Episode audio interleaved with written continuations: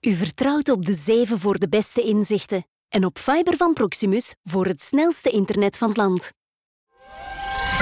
Welkom bij de 7 van de tijd. Elke dag om 7 uur onze blik op de zaken in 7 punten. Dit is Bert Rijmen. Goedemorgen. De Raad van State is opnieuw vernietigend over het Vlaams stikstofdecreet. Ondanks die kritiek wil de Vlaamse regering het decreet morgen toch goedkeuren in het parlement. Voor het eerst sinds lang zitten er twee Belgische bedrijven in de top 10 van de portefeuille van Sofina. Wat valt er verder nog op in de halfjaarlijkse nieuwsbrief van de Brusselse holding? En voortaan kunnen klanten van BNP Paribas Fortis eenvoudige geldzaken regelen in postkantoren. Wat doen banken nog om kantoren die verdwijnen te compenseren? En is dat genoeg? Het is dinsdag 23 januari. Welkom.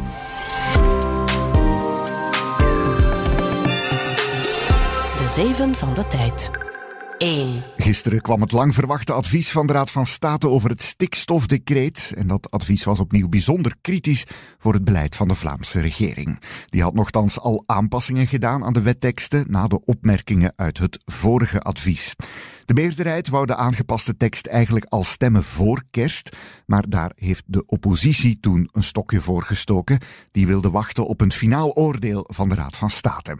En dat is er nu dus, en hoewel dat opnieuw vernietigend is voor het decreet, ziet het er naar uit dat de meerderheidspartijen er morgen toch over zullen stemmen in het parlement. Waarom en wat betekent dat dan voor het Vlaams vergunningenbeleid? Tijd-collega Daan Bleus van de Cel Politiek, jij volgt dat stikstofdossier. Goedemorgen Daan. Goedemorgen.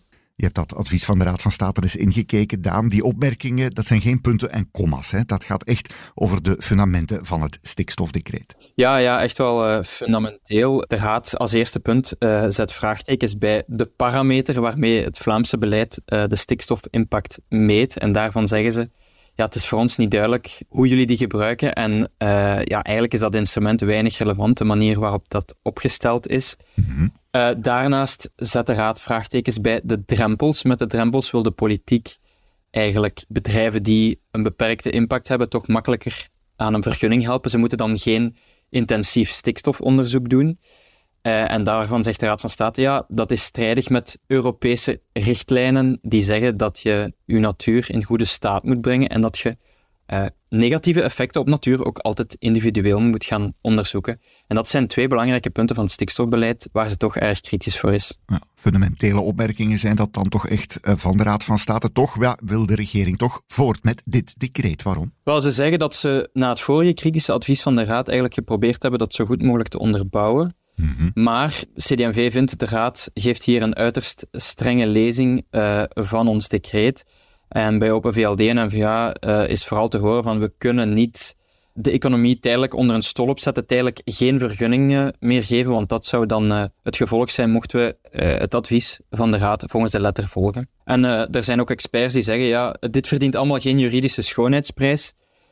Maar uiteindelijk uh, is het verdedigbaar dat de politiek dit doet. Uh, het is een pragmatische optie om toch een tijd lang een vlotte vergunningverlening te creëren. Tijd lang, uh, zeg je Daan, maar wat betekent dat ja, op langere termijn voor vergunningen? Wordt het ja, dan toch niet een heel onzeker kader? Jawel, en het feit dat de Raad kritisch is, is eigenlijk een voorbode voor een vernietiging bij het Grondwettelijk Hof. Het kan bijvoorbeeld zijn dat het Grondwettelijk Hof discriminatie ziet in het feit dat een bedrijf onder de drempel makkelijker een vergunning krijgt dan een bedrijf dat boven de drempel zit. Het kan ook zijn dat het in die um, passende beoordeling, hè, dus het feit dat je geen milieuonderzoek moet doen, dat daardoor een achteruitgang dreigt van een gezond leefmilieu. En dat is uh, in de grondwet verankerd dat zoiets niet kan. Mm -hmm. Dus als, uh, als het Hof dat vernietigt, dan zitten we opnieuw met een tijdelijk vacuüm. Een ander risico is dat het ineens ook uh, alle vergunningen die erop gebaseerd zijn op dat decreet op losse schroeven zet. Ja.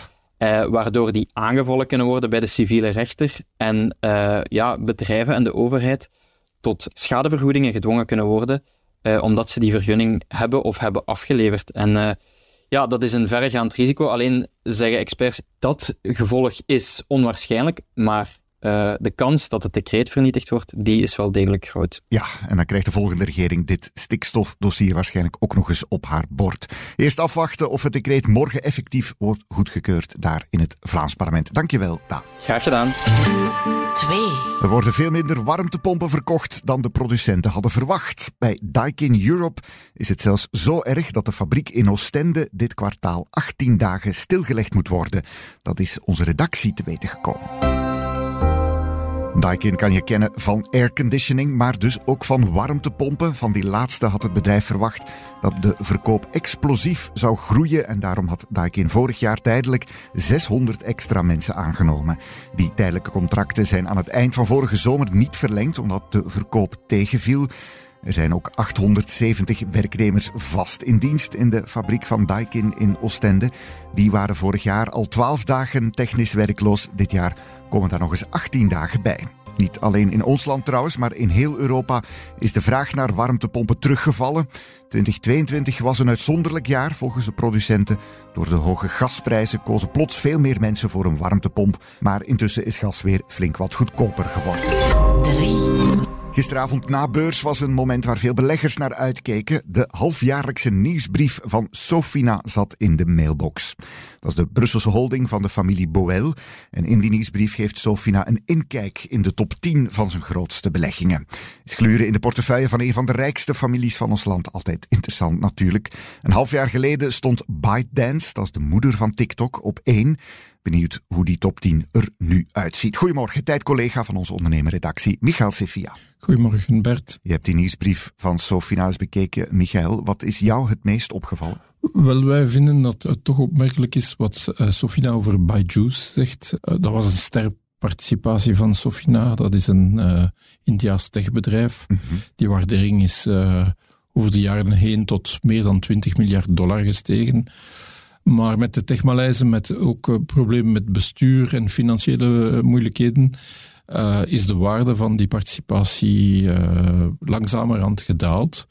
En uh, Sofina zegt niet tot hoeveel dat het gereduceerd is in hun boeken, maar ze zeggen wel mm -hmm. dat de waardering van Byju's immaterieel is ten opzichte van de ganse portefeuille. Dus dat het bijna niks meer waard is. En dat is toch een uh, statement die kan tellen. Byju's daar, dus de grote verliezer. Michael, hoe ziet de top 10 er nu dan uit? Wel, je ziet echt dat uh, Techmaleize uh, heel die top 10 heeft doorheen geschud. Um, ByteDance, dat is de moeder, het moederbedrijf van TikTok. Mm -hmm. Dat was uitgegroeid tot de grootste participatie. dat heeft nu een plaats verloren. Een meer klassiek bedrijf zoals Cognita, die Londense privéscholengroep, waarin dat Sofina al een vijftal jaar zit, die prijkt nu op één. Ja, dat lijstje is uh, veranderd, die top 10. En opvallend, er staan ook twee Belgische bedrijven in die top 10. Ja, inderdaad. Dat zijn uh, enerzijds Drylock. Dat is een, een luierbedrijf. Klassieker kan bijna niet. Ja. Uh, wel innovatief en snel groeiend. Dat is het bedrijf van Bart van Malderen, ex-Ontex. Uh, die staan op plaats 4 en op plaats 8 uh, project Biobest. Dat is uh, specialist in biologische gewasbescherming.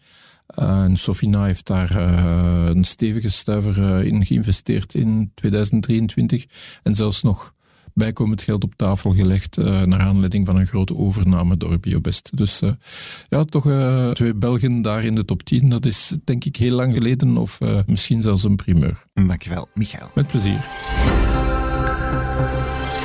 4. And the Oscar for Best Picture is presented to. And the Oscar goes to. And the Oscar goes to. Een plechtig moment altijd, die Oscar-uitreikingen. Vandaag komen we te weten wie de genomineerden zijn. Kans is groot dat Netflix weer een pak nominaties krijgt. En toevallig, maar ook wel symbolisch, is dat de streamingreus vandaag ook cijfers van het voorbije kwartaal publiceert. Voorkennis. In de categorie Beste Film kan Maestro genomineerd worden. Een biopic is dat van Netflix over componist Leonard Bernstein. Het beeldje verzilveren wordt moeilijk tegen topfavorieten als Oppenheimer en Killers of the Flower Moon. Maar als het over commercieel succes gaat, doet Netflix het een pak beter dan de streamingconcurrenten als Disney en Paramount. Die proberen net break-even te draaien terwijl het geld bij Netflix binnenrolt. Analisten rekenen voor het vierde kwartaal op een operationele winst van 1,2 miljard dollar. Het aantal abonnees zou dan uitkomen op ruim 250 miljoen Opnieuw bijna 9 miljoen meer dan het vorige kwartaal. En het ziet er naar uit dat het bedrijf ook meer gaat verdienen per kijker, omdat ze de strijd aangaan met abonnee-fraude. De beurskoers van Netflix zit alvast op Oscar-koers. Die is op drie maanden tijd met 40% gestegen. 5. Vanaf deze week schakelt de bank BNP Paribas Fortis de medewerkers van Bpost in voor eenvoudige financiële diensten. Bpost Bank werd vorig jaar opgeslorpt door BNP Paribas Fortis. De grootbank sluit tegen eind volgend jaar meer dan een derde van de eigen kantoren. Maar klanten kunnen voor het openen van de rekening of zelfs het afsluiten van een autolening dus terecht in het postkantoor. Maar Paribas is niet de enige bank die manieren zoekt om klanten tevreden te houden, nu er alsmaar meer kantoren sluiten.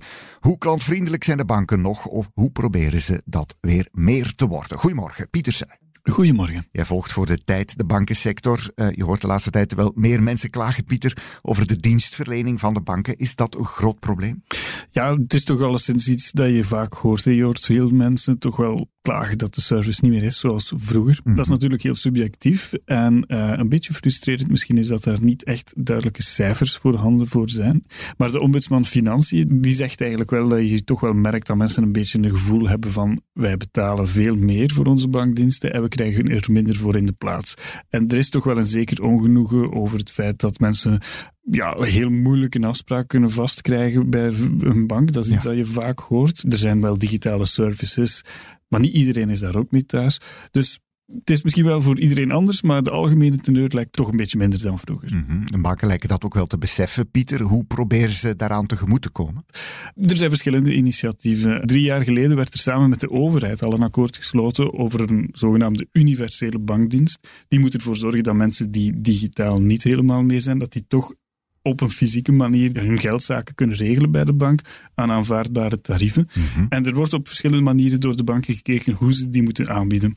Je kan dat doen bijvoorbeeld door gewoon, ja, je kan door het net te behouden. Sommige banken spelen daar ook nog altijd in, op die nabijheid. Andere banken zoals BNP Paribas Fortis, die doen het dus door uh, postlokalen in te schakelen. Mhm. En dan zijn er nog de creatieve oplossingen. KBC schakelt bijvoorbeeld een belmobiel in. Dat is een wagentje waarmee een bankier eigenlijk rond naar uh, verschillende klanten om die te helpen. Oké, werkt dat allemaal, Pieter? Ja, of uh, is er meer nodig? Ja, dat is natuurlijk weer uh, de vraag van 1 miljoen. Um, het is nog koffiedek kijken, bijvoorbeeld, wat, wat de oplossing van BNP Paribas zal bieden. Mm -hmm. Maar ja, je kan ook verwijzen naar wat de overheid heeft gedaan met de geldautomaten. Daar heeft de overheid eigenlijk samen met de banken een akkoord gesloten om, om ervoor te zorgen dat die geldautomaten beter beschikbaar zijn voor mensen. Um, voor de beschikbaarheid van kantoren is dat moeilijker, want iedere bank heeft zijn eigen strategie, zijn eigen kantoornetwerk. En het is eigenlijk als overheid bijna onbegonnen werk om die banken individueel verplichtingen op te leggen. Dus dat wordt echt wel nog een moeilijk vraagstuk. Dankjewel, Pieter. Graag gedaan. Zes.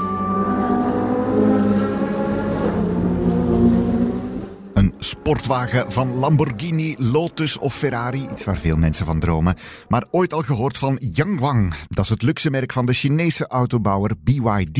Het wordt amper een jaar na de lancering nu ook al klaargemaakt om buiten China te exporteren. Eerst naar Brazilië, daarna waarschijnlijk naar Europa. Yangwang heeft voorlopig alleen nog maar een grote SUV op de markt met een stevig prijskaartje. Begint bij zo'n 130.000 euro. Dit jaar moet daar nog een limo bij komen en een supersportwagen U9. Die laatste katapulteert je in twee seconden naar een snelheid van 100 km per uur. Zo moet Yangwang voor BYD worden wat merken als Bentley of Lamborghini voor de Volkswagen groep zijn. De luxueuze en sportieve uithangborden.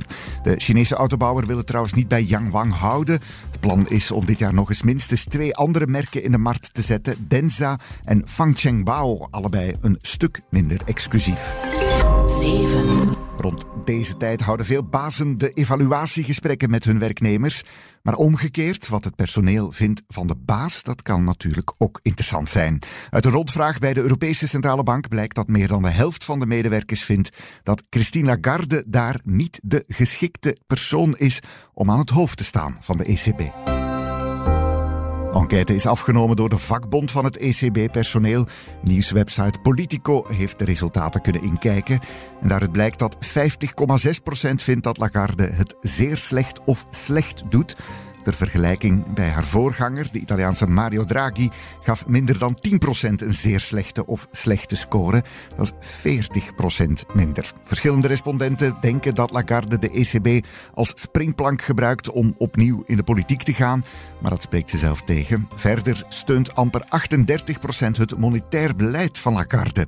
Misschien niet zo verbazend in tijden van hoge inflatie en renteverhogingen, maar meer dan de helft van de mensen vreest dat de ECB het doel om de inflatie te doen dalen naar 2% niet zal halen.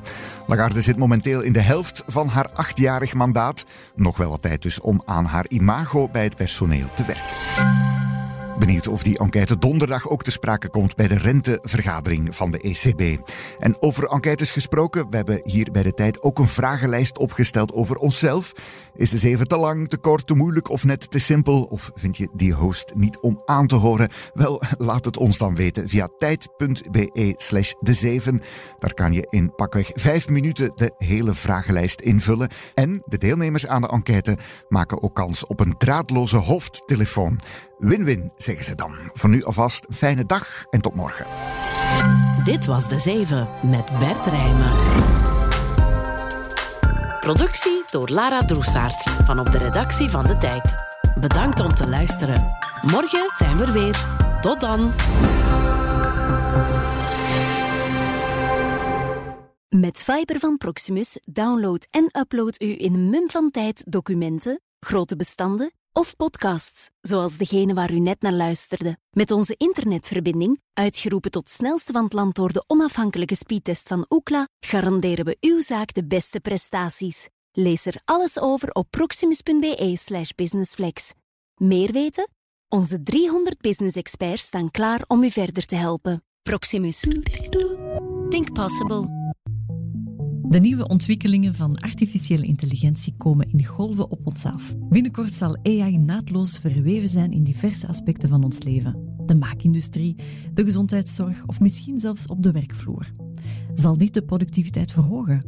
Zullen complexe vraagstukken in de gezondheidszorg sneller een antwoord krijgen? En zal AI voor nog een betere tijdsindeling zorgen op de werkvloer?